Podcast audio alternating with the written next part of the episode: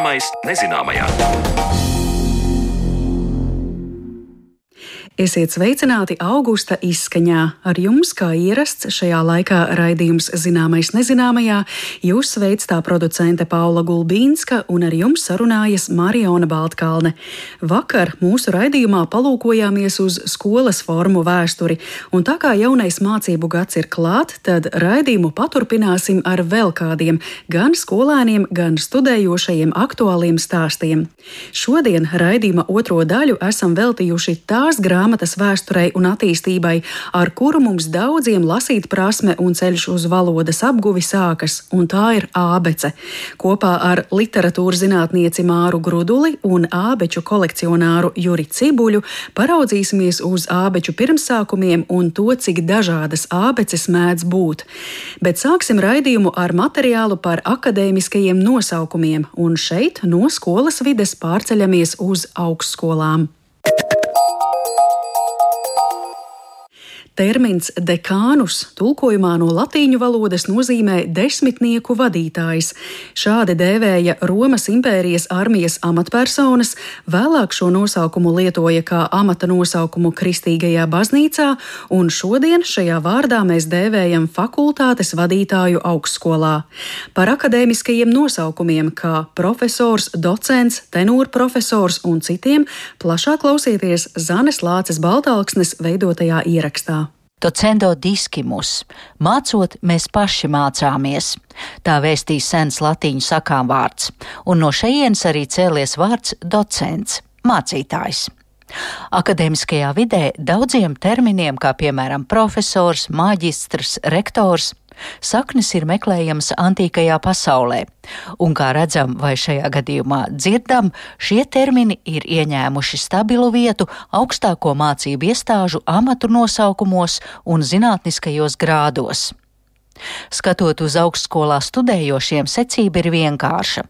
Tas, kurš apgūst pamata līmeni, ir bakalaurs.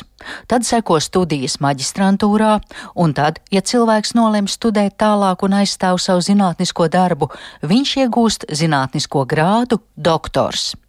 Bet tagad ielūkosimies augstskolu amatos, lai uzzinātu, ko dara profesors, ko lektors un ko pētnieks. Par to attālināti ierakstītā intervijā stāsta Rīgas Tehniskās Universitātes inženierzinātņu doktors Gatis Bašbauers, kurš universitātē ir zinātņu prorektora vietas izpildītājs, jeb velkot paralēlis ar vispār izglītojošo skolu, mācību iestādes direktora vietnieka vietas izpildītājs. Sākam ar augstāko akadēmisko amatu, un tas ir profesors.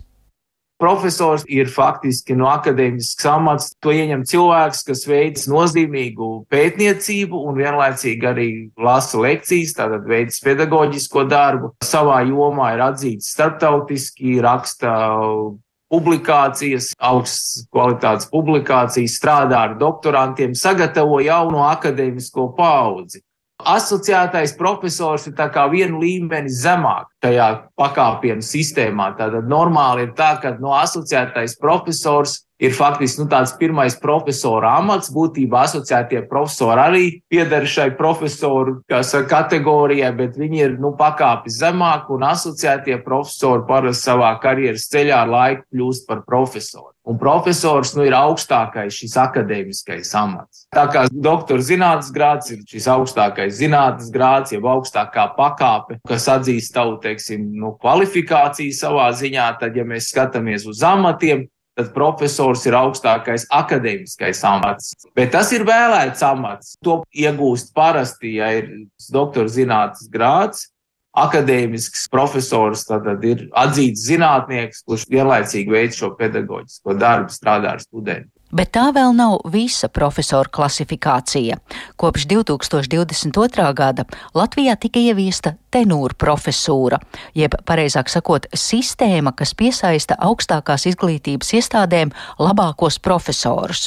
Un Rīgas Tehniskā universitāte bija pirmā augstskola, kura šo citvietu pasaulē esošo sistēmu ieviesa arī pie mums.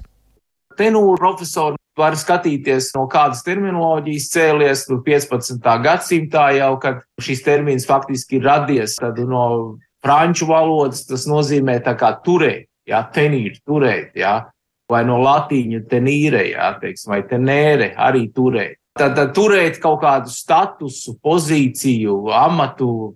Šīs tenūra amats, nu tā latviešu tulkojot, viņš būtu tā kā pastāvīgs, nodrošināts profesora amats. Un tā būtība ir sekojoša, ka šis amats vai tā amata mērķis ir aizsargāt akadēmisko brīvību, respektīvi profesoram dot neatkarību pētniecībā un pedagoģiskajā darbā, jo tas ir ļoti svarīgi zināšanu radīšanā un tālākā nodošanā. Respektīvi, sabiedrības interesēm atbilst, lai profesors būtu neatkarīgs, lai viņš nebūtu atkarīgs no naudas devēja, lai naudas devējs nevarētu iespaidot viņa viedokli zinātnē un pedagoģiskajā darbā.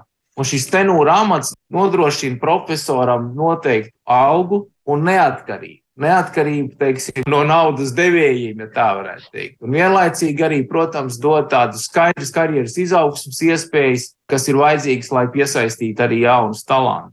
Bet tātad akadēmiskā brīvība ir tas primārais mērķis tenūra amatā. Šie tenūra profesori, nu, tas ir jauns modelis priekš Latvijas, bet nu, daudz kur jau tas, protams, ir daudzās universitātēs, kur faktiski normāli ir, ka profesori, nu, vairums profesoru, ja viņi ir sasniedz noteikts rādītājus akadēmiskos, viņi kļūst par šiem tenūra, ja pilniem profesoriem. Jā, tā ir normāla sistēma profesoriem. Atgriežoties pie zinātniskajiem grādiem, pastāv tāds nosaukums goda doktors. To piešķir par izciliem sasniegumiem un nopelniem zinātnē. Tas, kā nosaukums liecina, neuzrāda zinātnisko grādu, bet ir goda tituls. Līdzīgi ir ar emeritētā zinātnieka nosaukumu, ko cilvēks par sasniegumiem akadēmiskā darbā saņem aizejot pensijā. Profesors var zaudēt savu amatu, bet šo statusu emeritus viņš nezaudē. Gatis Bašbauers skaidro, ka Rīgas Tehniskajā universitātē notiek šī mūža statusa iegūšana profesoriem. Nu, Rīgas Tehniskā universitātē mums arī ir profesora diplomi. Ja? Tad profesoram ir tāds kā diploms, profesora diploms. Nu, līdz ar to var uzskatīt, ka kaut kādā mērā nu, šis profesora diploms, protams, to, to vārdu piešķir uz mūžu. Ne amatu, ja, bet šo profesora statusu. Profesors ir saņēmis šo diplomu, nu šis status, protams, netiek atņemts, ja, bet, bet amats kā tāds var tikt zaudēts. Esam tikuši skaidrībā par profesoru sadalījumu un skatām tālāk, ko augstskolās dara docenti, lektori, dekāni un pētnieki. Gatis Bašbauers skaidrojumu sāk ar dekāna jeb fakultātes vadītāja amatu. Dekāns cēlies no latīņu valodas decem, desmit. Te varbūt nav īsti saistība ar desmit, bet nu, tas norāda, ka dekāns pārauga kaut kādu struktūru, jau vada, ja, dekāns principā ir administratīvs amats. Es viņu nepieliktu pie akadēmiskā amata, protams, dekāns nav akadēmisks amats, dekāns faktiski ir universitātē administratīvs amats. Fakultātes vadītājs, dekāns vada amats. Un tātad atbild par gan administratīviem, gan studiju procesu, zinātnes procesu kopumā fakultāti. Bet docētājs, docētājs ir akadēmisks amats, nu, un docents no latīņu valodas nozīmē, nu, tad latīņu, latīņu termins ir docentis, tas, kas māca, tad docētājs, docents māca. Docents ir vienu līmeni zemāks kā asociētais profesors. Ja mēs skatāmies akadēmiskās karjeras kāpnēs, tad students sāk ar bakalauru, tad viņš ir maģistrs, tad viņš ir doktors, vai viņa tad jau tagad ir arī tā saucamā postdoktorantūras sistēma, kad kādu laiku doktors jaunais ir, ir postdoktorants. Un tad bieži vien tā nākamā pakāpe jau ir docents, kur jau Docents nodarbojās gan ar pētniecību, gan arī lasa lekcijas, protams, māca studentus. Nu, un tad docents ar laiku izaug līdz asociētam profesoram un tālāk izaug līdz profesoram. Un, jā, tā, tā, tā ir tāda klasiska pakāpienu sistēma. Docentam nav tik augstas prasības ievēlot, jā, kā asociētam profesoram. Asociētam profesoram savukārt ir zemākas nekā profesoram. Bet docents arī ir teiksim, gan zinātnieks, gan arī pasniedzējs mācības spēks, jo, piemēram, Rīgas Tehniskā universitāte, kā zinātnes universitāte, studiju procesu realizē balstoties uh, pētniecību. Tās divas komponentes arī ir svarīgas. No, piemēram, no lektora, kurš var būt tikai mācības. Bet tad lektors ir, um, vai var teikt, tas ir analogs skolotājam, kas ir um, vispār izglītojošā skolā? Jā, nu, lektoram, teiksim, lektors var nebūt arī ar doktora grādu, jā, tā tad varbūt maģistra grāds. Nu, lektors primāri fokusējās tā kā uz pasniegšanu. Ja mēs skatāmies uz karjeras kāpnēm, ir teiksim, cilvēki, kas iziet arī caur lektoru pakāpienu, pirms kļūst par docentu. Jā, tad uh, docentam jau ir šis doktora zinātnes grāds, jā, tad, tad arī šī pakāpe ir iespēja. Ir vēl viena pakāpe zemāk, zem lektori, tā mēs varētu teikt, ir, ir asistenti. Tā kā ir tur vairākas pakāpes asistents, lektors, docents, tad asociēts profesors, profesors. Visi iepriekš minētie ir pedagoģiskie darbinieki augstskolās, bet skatot vēl uz zinātniskajiem darbiniekiem, bieži vien saskaramies ar terminu asistents, pētnieks vai vadošais pētnieks. Mēs skatāmies uz zinātniskiem amatiem. Nu, jā, tad ir um, zinātniskais asistents, ir zemākā pakāpe. To var ieņemt arī, piemēram, bakalaura līmeņa students. Jā, ja, teiksim, viņu var pieņemt projektā pētniecībā kā zinātnisko asistentu. Tad, teiksim, nākamais līmenis ir pētnieks. Pētnieks ir pakāpe augstākā zinātniskais asistents, bet pētniekam nav nepieciešams doktora zinātniskais grāds. Tā kā students var būt arī pētnieks vēl pirms šis students iegūst doktora grādu. Vadošais pētnieks ir augstākā pakāpe šajā zinātnisko amatu klasifikācijā. Tur jau ir nepieciešams doktora zinātniskais grāds. Tiesa ir interesanta situācija, kad uh, universitātēs ir šobrīd uh, daudzi, teiksim, um, profesori vai asociēti profesori, kas vienlaicīgi ir arī pētnieki vai vadošie pētnieki. Tātad viņi ieņem abus divus šos amatus. Jā, tad profesors var būt arī vadošais pētnieks. Nu, augstskolās, protams, akadēmiskais amats ietver gan profesoru, gan asociētu profesoru, gan pētnieku, gan vadošo pētnieku.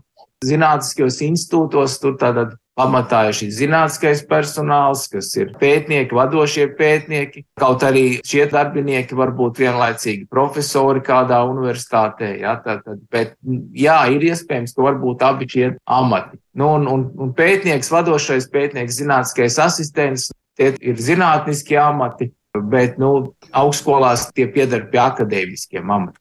Tie arī ir vēlēti amati. Ja, tad profesoru ievēl par teiksim, vadošu pētnieku jau uz sešiem gadiem, sešu gadu termiņu. Un var ievēlēt tikai vienā zinātniskā institūcijā, respektīvi vienā universitātē. Paldies Rīgas Tehniskās Universitātes inženierzinātņu doktoram un zinātņu prorektora vietas izpildītājam Gatim Bašbauveram par augstskolas amatu skaidrojumiem. Iespējams, ka uzsākot jauno mācību gadu, kādam studentam šie skaidrojumi var izrādīties noderīgi.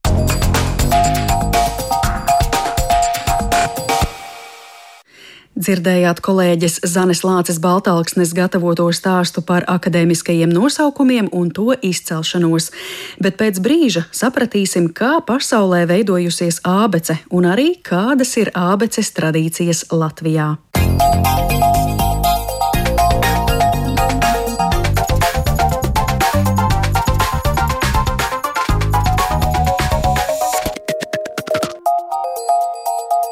Zināmais nezināmajā. Pirmie burti un zilbes daudziem bērniem laiku laikos ir sākušies ar ābeci. Kur meklējama ābeces vēsture un kam radās ideja radīt lasīt prasmes apgūšanai veltītu speciālu grāmatu? Kāds ir Stendera atstātais mantojums un kas vēl slēpjas lielākajā ābeču kolekcijā? Tie ir jautājumi, kurus jaunajam mācību gadam klauvējot pie durvīm būtu visnotaļ vērtīgi un interesanti pārunāt, tāpēc ciemos esam aicināti aicinājuši latviešu literatūras zinātnieci Māru Gruduli. Labdien! Labdien! Un ābeču kolekcionāru un, kā izrādās, vislielākās privātās kolekcijas pasaulē īpašnieku Juri Cibuļu. Labdien! Labdien! Jā, šī nedēļa mums raidījumā zināmais nezināmajā ir arī tāds eh, sava veida pavadonis jaunajam mācību gadam. Mēs vakar raidījumā runājām par skolas formu vēsturi, un sarunā ar modes vēsturnieci Edīti Paruti, runājot par skolas formu pirmsākumiem, pārcēlāmies uz tālajiem viduslaikiem. Un arī pašu skolu kā izglītības iestāžu aizmetņi ir, protams, ļoti seni. Šajā komplektā skola, skolas forma, ja mēs pievienojam tagad ābeci, man atkal gribas jautāt, vai ir zināmi aizmetņi brīdim, kad sāk veidoties kaut kas, teikšu tā, ābeču veidīgs. Gruduls kundze. Nu, noteikti precīzi brīdi nepateikšu pasaulē. Abeču sākumam varbūt uh, kolēģis Tas varēs kaut, ko pa, papildināt. Jā, bet uh, tādas abečas kā grāmatas ir jaunākas nekā tāfelītes, kuras angļu valodā, piemēram, sauc par hornbook. Es apskatījos avotos, un uh, tās tā tad ir domāts bērnu mācīšanai. Tas nozīmē, ka tā ir uh, plāksnīte ar rokturīti. Kaut kas līdzīgs spogulim, mēs zinām, ir tādi palielāki spoguļi ar rokturīšiem.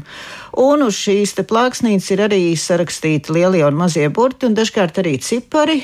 Tad uh, mammas var palīdzēt uh, bērnam apgūt, vai kāds cits, vai skolotājs bakstot ar pirkstu pie attiecīgā burta un uh, pāraugot. Bet uh, latviešu valodā par šādām ar tureklīti tāfelītēm mums ziņu nav no šiem seniem laikiem. Un arī šādas plāksnītes ir saistītas ar viduslaikiem.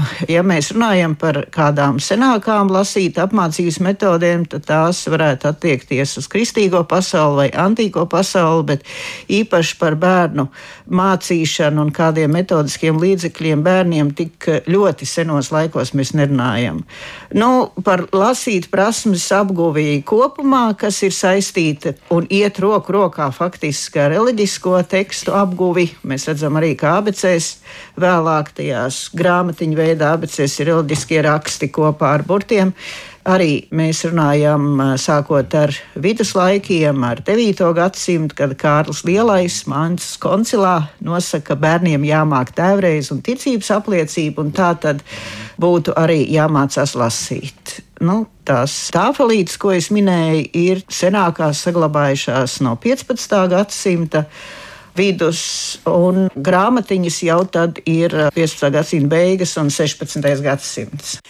Cibuļa kungs, jūs arī pieminējāt komentāru, kā abeču pirmsākumi, kā kurā valodā. Varbūt jums ir arī plašākas zināms par dažādu ābeču pirmsākumiem dažādās valodās.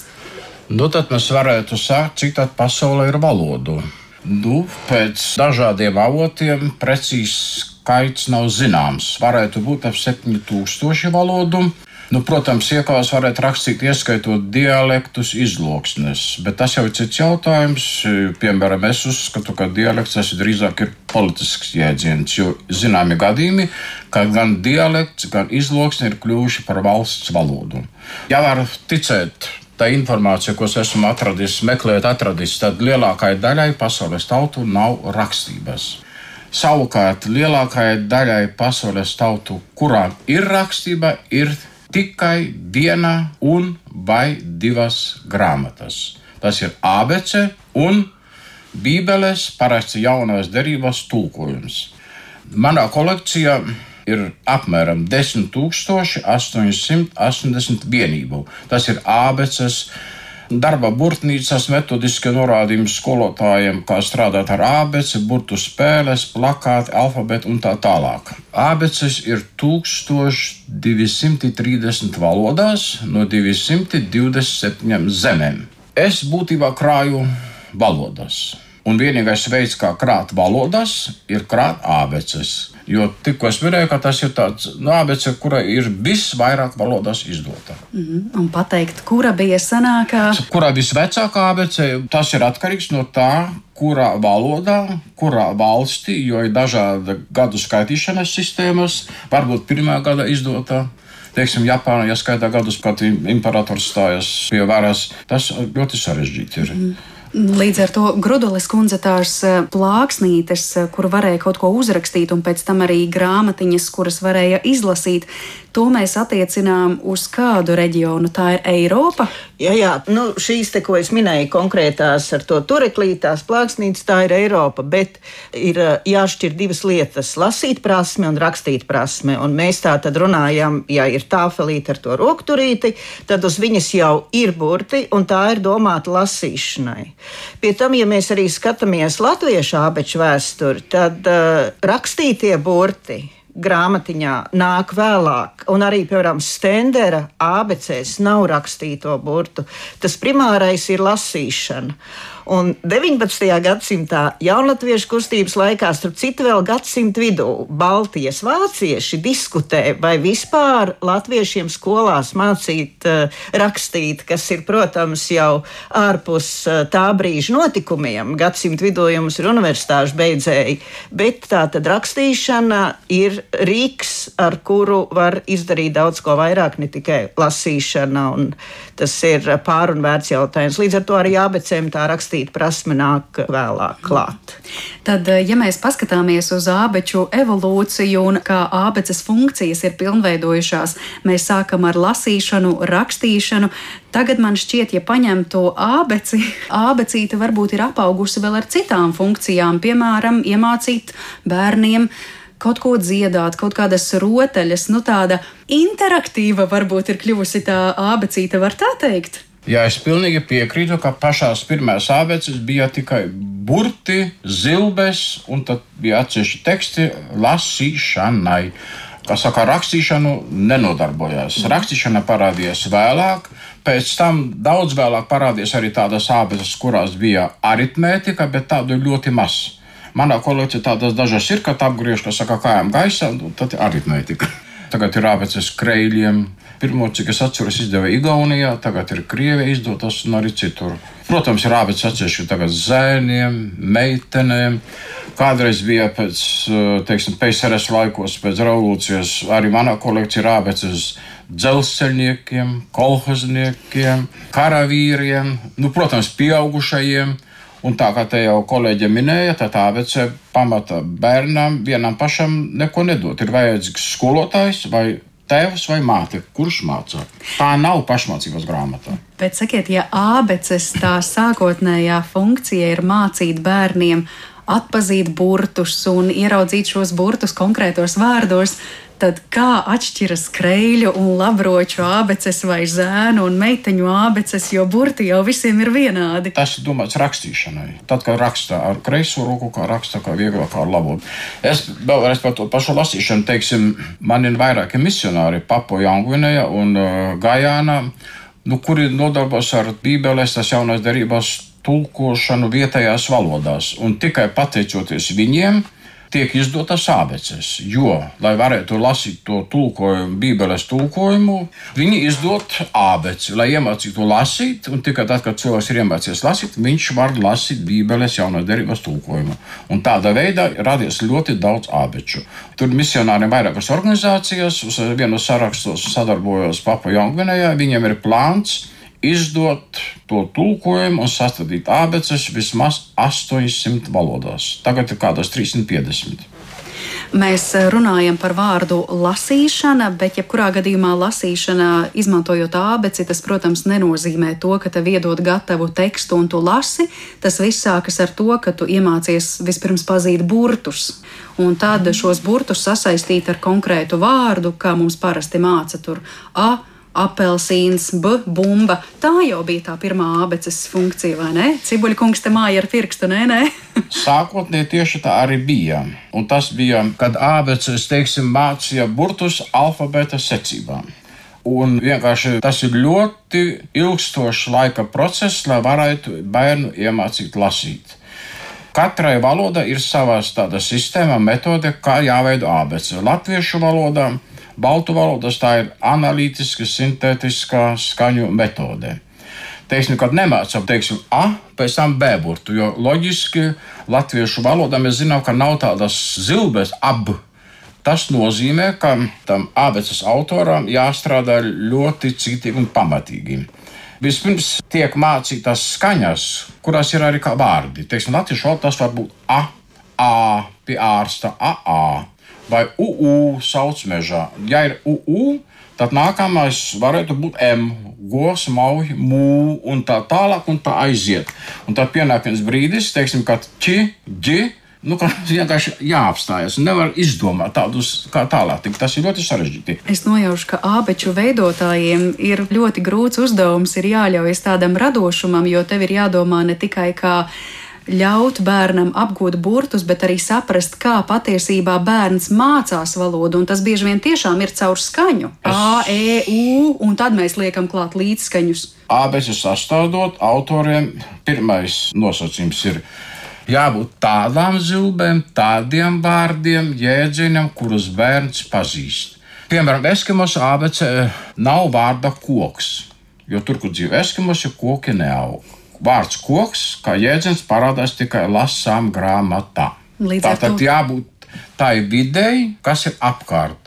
Lai bērni zinātu, kas tur aug, kādi dzīvnieki dzīvo, teiksim, kā jāģērbjas, kas tur jāēd, jādzer, kādi svētki un tā tālāk. Un tikai lasāmā grāmata ir viss pārējais. Tad sanāk, ka jēdziens ābece ir kaut kas krietni vairāk, ne tikai burtu savirknējums, kurus mēs atrodam konkrētos vārdos, bet tā ir arī mācība par skaņu veidošanos. Bet eh, par pašu vārdu ābece. Lūk, šis ABC tas vedina domāt, ka ABCs uzdevums ir likt saprast burtu secību alfabētā un vispār pazīt burtus. Kaut kas līdzīgs parādās arī citās valodās, piemēram, angļu valodā ABC book vai alphabet book, tātad ABC grāmata vai alfabēta grāmata tulkojumā, tāpat arī das alfabēt vācu valodā, azbuka krievu valodā, un mēs noteikti līdzības varētu atrast arī citās valodās. Grudulas kundze, vai jums ir zināms, kur slēpjas vārda ābece izcelsme? Ja mēs runājam par Eiropas tradīciju, tad eh, šī latīņa alfabēta konkrētā burtu rinda ABC izveidojās aptuveni mūsu ēras sākumā, nostiprinājās, un to secību, kādā burti sekot cit citam, ABC, DFGH un tā tālāk un tā joprojām kopumā sauc par ABC dārjumu. ABC dārījumu, tas ir noteikta secība, kas, protams, ir pamatlieta, ja tu proti lasīt, tālāk arī rakstīt. Un uh, izglītoti cilvēki šo secību zināja, un konkrētā secība tika izmantota arī kā tāds tehnisks palīdzeklis, ja vajadzēja atcerēties garus tekstus. Un mēs zinām arī, piemēram, ka latviešu valodā ir garīgā dziesma, kas saucas ar citu zelta ABC, kas ir gan tulkojums latviešu valodā no vācu valodas, bet tur ir pantiņi izvietoti. Tātad katrs pantiņš sākas ar konkrētu alfabēta burtu šajā secībā. Tā ir 17. gadsimta otrā puse, kad vēl ābeču nav. Bet, eh, ja tu zini to secību, tu vari arī viegli tos pantiņus atcerēties. Un tie ir saistīti ar tādām praktiskām pamācībām, nekašķēties, būt draudzīgam, līdzjūtīgam un tā tālāk, ko mēs varbūt pretēji, ko mēs gaidītu no garīgas dziesmas, tādā tradicionālā izpratnē, bez zelta ABC. Un līdz ar to latviešu valodā, ja mēs runājam par latviešu nosaukumu ABC un stenderam ir bildu ābice, tad tas nāk no vācu valodas. ABC, tas ABC būh. Bet es domāju, ka tā kā latviešiem ir vācu dotais eh, vācu gotiskais šrifts, tātad senākajos rakstos, bet uh, vēlāk arī latiņa alfabēts, kur arī ir šī te arī gotiskajā rakstībā, protams, tā pati sistēma ABC, tad dabiski mums arī ir ABC, kura norāda norāda uz uh, alfabētu un tā tad arī uz burtu un skaņu apguvi. Protams, ABCs nosaukums ir ļoti dažāds dažādās valodās. Tepat Igauniem nebūs ABC, bet būs ABD. Mm. Jo C burtā Nu, viņam, kas saka, nav. Kolēģiem ļoti precīzi pateica, ka latviešu valoda tad ABC ir radies no vācu valodas. Tas ir vairāk nekā skaidrs. Protams, ABC un ABC būh tagad izpratne nav tā īsta abece, jo vācu valoda tagad īsta abece ir fibeli. Tāpat arī krieviem bija azbuka, kur bija mācīja burtus un atsevišķus vārdus, bet bukvara bija tā kā saka, grāmata. Nu, Krievo tagad ir ļoti sarežģīti, jo viņam dažreiz ir bukvara un azbuka, un īstenībā tas ir tas pats. Piemēram, latgaliešu valodā, latgaļu valodā ir elementārs. Tāpat kā lietuviešu valodā elementorius vai poļu valoda elementārs. Tas ir elementārs, paši pamati, elementārs. Latgaļi tā lietoja. Jā, elementārs. Tā. Elementārs. Ķīniešu valoda, arābu valoda. Kā grāmatiņu dēvē tur? Ķīniski ir, cik es zinu, juven, jo ķīniešiem burtu vispār nav. Un arī tā sistēma, nu, saka, sistēma, tā kā māca lasīt. Manuprāt, arābu valoda ir A, alef bejs varbūt, un dažreiz arī tas nosaukums pavisam cits ir. Un tad jūtams, ka šis vārds abece varbūt atkal izteiktāk dominē šajā Eiropas reģionā, bet atkal valstu starpā ir atšķirība. Bet, teiksim, lietuviešiem parasti viņi neraksta uz abeču kā abece lietuviski, viņi ir, viņi, ir nosaukums, jo saulutē, saulīte, biturēlis, cīrulītes, tāda veida arī. Bet vēl varbūt par tām metodēm, kas arī tika minēta, burtošana un skaņošana. Abets ir brīnišķīgs eh, piemērs, kā uzzināt arī pedagoģiskās domas vēsturi.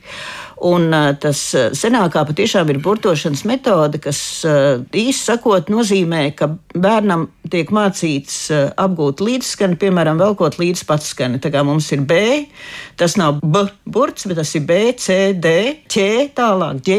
Un tad, kad tu viņam rāda uz šīs tāfelītes vai rāda grāmatiņā, tad viņam ir jāsaka B, piemēram, pie B burta.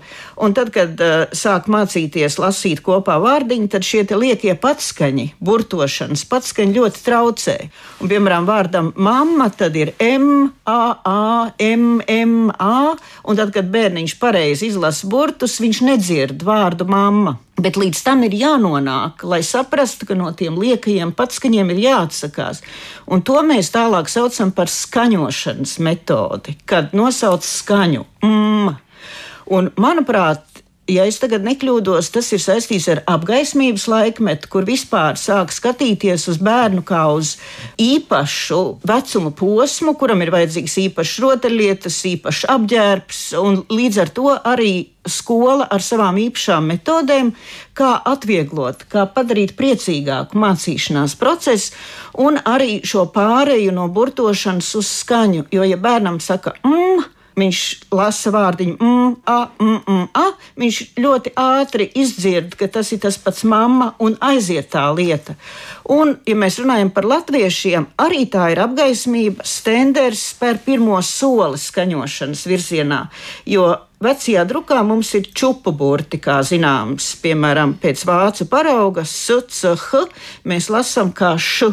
Šūle vāciešiem ir, un mums, piemēram, ir šalkt vārdiņš, kurš arī vecajā drukā sāks ar SCH. Un stenders ir pirmais, kas norāda, ka te nav jālasa S. Un tālāk C un H, bet, ja ir šī trīs burtu kombinācija, tas ir š. Tāpat arī, ja ir H burts pie patskanīša, tas ir A, jālasa nevis AH atsevišķi. Un Stenders līdz ar to arī ieliek pirmo soli skaņošanas virzienā. Un tas, ko jūs minējāt, tā saucamā interaktīvā metode, tas ir jau vēl solis uz priekšu, kad tiek piedāvāts bērniem tātad eh, zīmēt rakstīt, jā, varbūt arī dziedāt, varbūt arī tā saucamās saliekamās ābeces, kur tu saliec no burtiņiem vārdus. Tātad bērns kombinē dažādas maņas mācību vielas apguvē, un arī viņam tiek mainīti vingrinājumi, dažādi veidi vingrinājumi, zīmēšana, piemēram, klāt. Un tas jau ir arī pirmais solis. Tātad uh, latviešu valoda 18. un 19. gadsimta mīja, 19. gadsimts jau ļoti izteikti.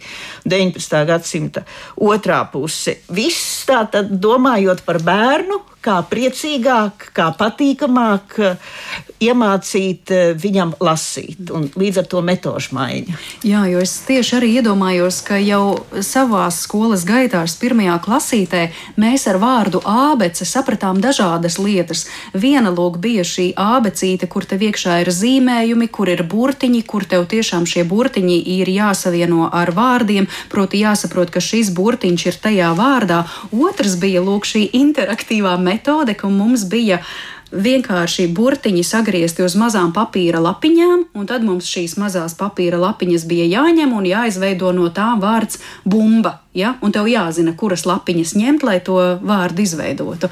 Un vēl par šīm skaņām runājot, D un Z ka to var sapludināt kopā, lai veidotu vārdu nevis dzenis, bet dzēnis. Tas arī ir šis pats laiks, tas 19. gadsimts. Par to tieši tā dz, dz kombinācija latviešiem ir pazīstama ar 17.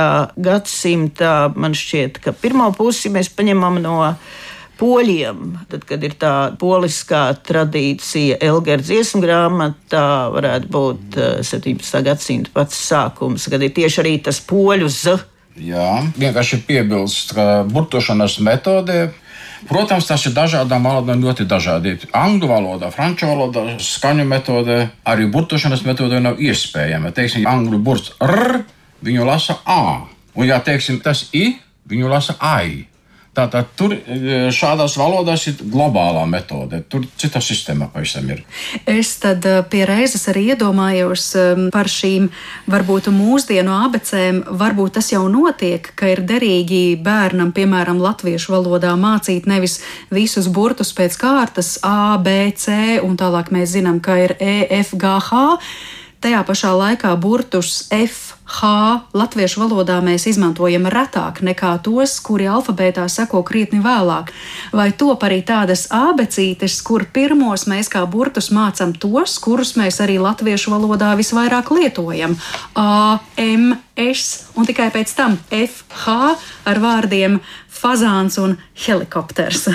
Teiksim, tā jaunākās latviešu abeces, kad sāka ieviest skaņu metodi, tā tā saucās analītiskā skaņu metode, sintētiskā skaņu metode un pilnīgotā analītiska sintētiskā skaņu metode. Protams, nemāca burtus alfabēta secībā, bet māca tā, lai var dabūt vārdu. Ja sāk ar būt A, tad otrs varētu būt, teiksim, līdzskaņas U, jo var radīt vārdu ala. A, L, A. Ja ir ala, tad jau ir diezgan vienkārši. Jau ir es salā, nu, salās, un tā aiziet.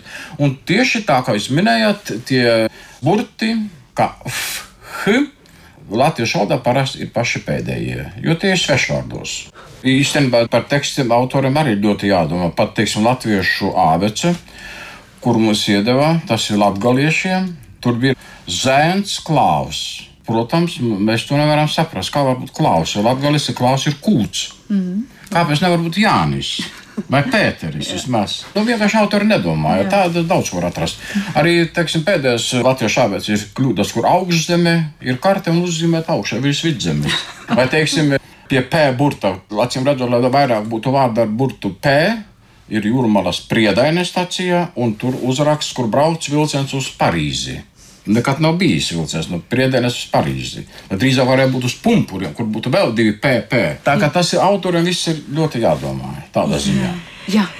Par mācīšanu uzreiz lasīt vārdu.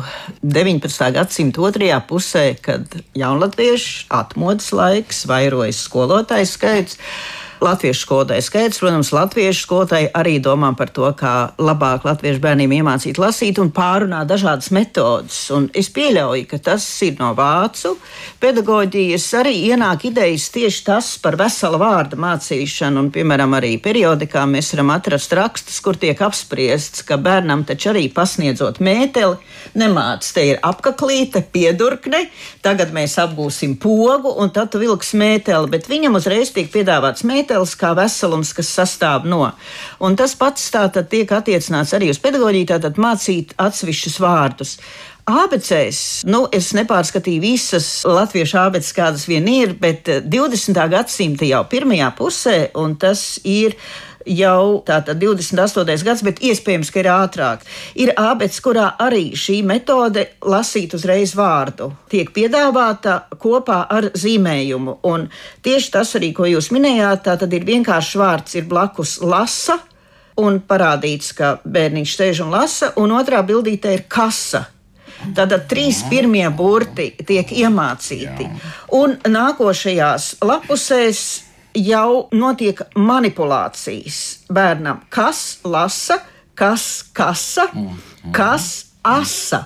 Un ir bildē izskapts, kur atgādina L burtu, ja mēs nolaižam uz leju. Un tad no tā izjūtā tiek uh, likti klāt atkal nākošie burti. Un pēc tam ir s, nu, arī es domāju, tā ir saikne ar uh, šo skaņu popularitāti latviešu vārdos, un ar s jau var ļoti daudz salasa, sakasa, sakala, sasala asa un tā tālāk un tā joprojām. Un tā, tā, tā, tā lasīta apmācība notiek ar vārdu starpniecību aiziet uz priekšu. Tieši tā, saka, visi tie sasala, saka, tā arī ir ābeces. Un te jūs minējat pat izskapti, kur atgādina L. Pašās pirmās abecēs zīmējumu nebija. Tie vēlāk parādījās. Sākumā bija viens zīmējums, divi, pēc tam vairāk zīmējumu. Un īstenībā tagad ir daudzas abeces, kur pie katra burta ir dažādi priekšmeti, kuri atgādina šo burtu. Izrādās, ka visiem alfabēta burtiem ir kaut kādi priekšmeti, kurus vienkārši vajag prast atrast. Vai viņi apgriezti kājām gaisā vai tādā veidā. Vai, teiksim, A, nu laukos tas ir, teiksim, sienā zārdam ir A. Visu, ko var salasīt. Lūk, tā kā jūs minat par šiem attēliem, tad es gribētu uz mirkli vēl pakavēties pie vārda, kurš mūsu sarunā jau ir vairāk kārt izskanējis Protams, protams, spilgtais 18. gadsimta varonis Gotthards Friedrichs Stenders, jeb vecais Stenders, un tātad 1787. gadā Stenders iespieda bildu ābici, pirmo ilustrēto latviešu ābeci. Mēs jau runājām, ka Stenders deva pienesumu šajā skaņu veidošanas mācībā, ka burtus var sapludināt un veidot jaunas skaņas. Kas mums vēl ir zināms par šo ābeces saturu? Nosaukums protams, bildu ābice lielā mērā pasaka priekšā, ka tur noteikti liela loma bija ar zīmējumiem. Tā jā, ir, ja? jā nu, Stenders ir arī tātad bildu vācu valodā pazīstams vārds saistīts arī ar ilustrācijām. Tad izvēlējies abus vārdus, kur ir pazīstama arī vācu kultūra telpā, nemaz nerunājot par citām, kam, protams, ir arī savs pamats un izskaidrojums, jo laikā, kad top eh, gan jauna ABC tātad lasīšanas mācība vecākiem, arī skolotājiem. Stenders jau ir atbraucis no Rietuma Eiropas. Viņš tātad bija kādu laiku Kopenhāgenā un Vācijā. Hamburgā visticamāk, un līdz ar to arī viņam bija iespēja iepazīties ar to, kas notiek Eiropā šajā laikā.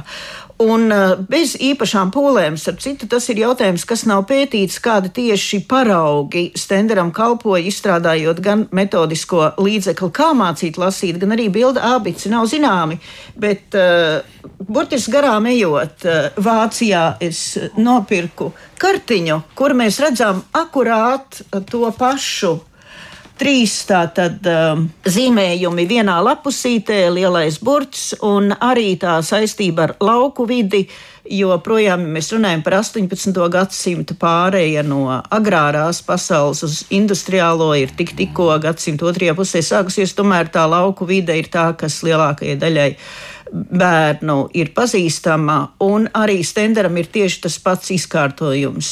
Blakus attēliem, protams, arī jāpiemina Stendera divrindītes, eh, kas arī veicina un stiprina bērna atmiņu un palīdz tātad iegaumēt eh, burtiņu un palīdz arī vizualizēt uh, attēlā redzamo notikumu un apgūt tātad burtu un kaut kādu mācību vai ideju paturēt prātā. Tātad mēs runājam par stenderu ieguldījumu. Pirmkārt, tas ir solis skaņošanas metodas virzienā, kā jau es teicu. Otrakārt, tie ir uh, laicīgi teksti, kas arī, manuprāt, ir būtiski. Es jau minēju, ka faktiski līdz tam mēs varam runāt par tā saucamajām katehismu abecēm, mm. kur ir uh, reliģiskā mācība apvienot ar alfabētu, apguvi lasīšanas mācību, kas ir saistīta ar Eiropas kopējo tradīciju. Un uh, trešais tātad tie ir attēli, kas arī palīdz redzes atmiņā paturēt konkrēto burtu saistībā ar attēlu. Kā Stenders arī lepni norāda, ka tā ir pirmā ilustrētā abice, nu viņš raksta pirmā, bet tāda bildu abice jau nosaukumā, lai katram būtu skaidrs, ko ir darīšana. Uzreiz gan jāatzīmē, ka tā bija dārgs prieks Nu, es domāju, ka varbūt ne gluži katrs, kas to vēlējās, mēs runājam par latviešu zemniekiem, varēja šo grāmatu iegādāties, bet tajā pašā laikā bija vairāki papildu metieni. Un vēl pa 19. gadsimta pirmajā pusē, kas tomēr liecina par to, ka par grāmatu interesi bija varbūt skolās. Mums nav īsti zināms, kas tieši bija pircēji, bet uh, tie papildu metieni liecina par to, ka grāmata tomēr tautā aizgāja. Un Jā. uh, jūs, ja jūs pabraucat ar pirkstu lapusei, varat redzēt, ka tās bildes ir ielīmētas. Jā, tieši tā. Tā kā bija iespējams nopirkt arī melnbaltu variantu. Neielīmētu, tātad tukša abece bez bildītēm. Melnbaltais variants bērns izkrāso, izgriež un ielīmē. Nu, man ir unikāla iespēja pieskarties šim faksimilu izdevumam, apgāda neputns izdotajam 2014. gadā ar pantiņiem. Āboli ir bērniem dāvāti, kas pie grāmatām ir mudīgi. Tas būtu tāds pantiņš pie burta A vai, piemēram, burts G, gailis dzied no miega modina, celies ej pie tava vai varbūt sava darbiņa. Jā, tas, protams, viss ir vecajā drukā. Un vēl, ja par attēliem runājam, es gribēju arī jautāt, daudziem skolas bērniem arī Latvijā ir noteikti pazīstamas abecītes ar gailīti uz vāka, slavenais gailītis. Tas ir tāds ābeču simbols tikai Latvijā vai vispār Eiropā, pasaulē, un kurā brīdī tā kļūst par tradīciju? Gailis uz ābeces vāka tas nāk no vācu abecam, jo uz vācu abecam bija arī gailis. Nu, ir vairāki skaidrojumi. Viens no tiem ir gailis, ir tāpēc, ka katru rītu noteiktā laikā gailis dzied. Un cilvēki pamostas, sākas jauna darba diena. Tātad, kad bērni iet skolā, Tātad viņam sākas jauns apgārsnis. Tas tā varētu būt. Bet tas īstenībā ir luterānisma simbols. Tāpēc arī teiksim, Rīgā ir baznīcas, kur krusta vieta ir gailis. Latvijā, Lietuvā šādu baznīcu nav. Uz katoļu ābecēm, teiksim, uz latviešu ābecēm jūs neatradīsiet ābeci, kur būtu gailis. Jo nu, tas ir ieviesies kā luterānisma simbols. Uz latviešu ābeču vākiem, protams, arī tur, kur citur, Igaunijā, Somijā. Bet gailis ir arī uz taizemiešu ābecēm. Bet tam ir cits skaidrojums, jo tāju valodām vārds gailis sākas ar tāju alfabēta pirmo burtu. Un gandrīz, nu, kā saka, kā burtu tur izrunā, viņš sakrīt, un tāpēc tur ir gailis. Ir viena ABC, kur līdz šai dienai, kā saka, man nav izskaidrojama, gailis ir parādījies uz vienas krievu ABCs vākā, kas izdota Dagestānā. Tad sanāk, ka gailis kā simbols jaunas jā. dienas cēlienam, kad tu celies un atkal mācies jā, un studē tā, un ej tālāk. Jā, bija arī pirmie gaļi, otrā, trešā gaļi. Tas ir tā savā veidā tas skaidrojums, ka sākās jaunā dienā un bērnam sākās jauns. Mācību cēliens. Cēliens un sāka jaunā dzīvē. Jā, vispār Lutāņu simbols tas ir palicis.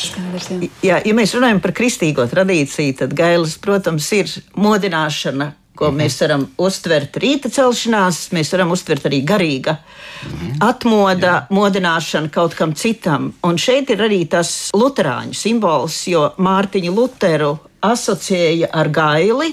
Luters ir kā modinātājs baznīcai pārveidoties uzlabot savu darbību, sadarbību ar draugu tālāk, tādēļ arī tie gaļi ir uz baznīcas torņiem. Un kas man noteikti ir jāatzīmē, mēs runājam par latviešu abets vēsturi, kas ir saistāmi jau simts gadus pirms Stendera. Tās ir tātad Zviedru laikā tapušās abeces, mēs jau redzam gaili. Lūk, eh, kas tātad attiecas uz latviešu abešu vēsturi, tad eh, jau tātad 17. gadsimta otrajā pusē mums ir abeces, kas nāk no tīri vāciskās tradīcijas un kas nāk no zviedriskās tradīcijas.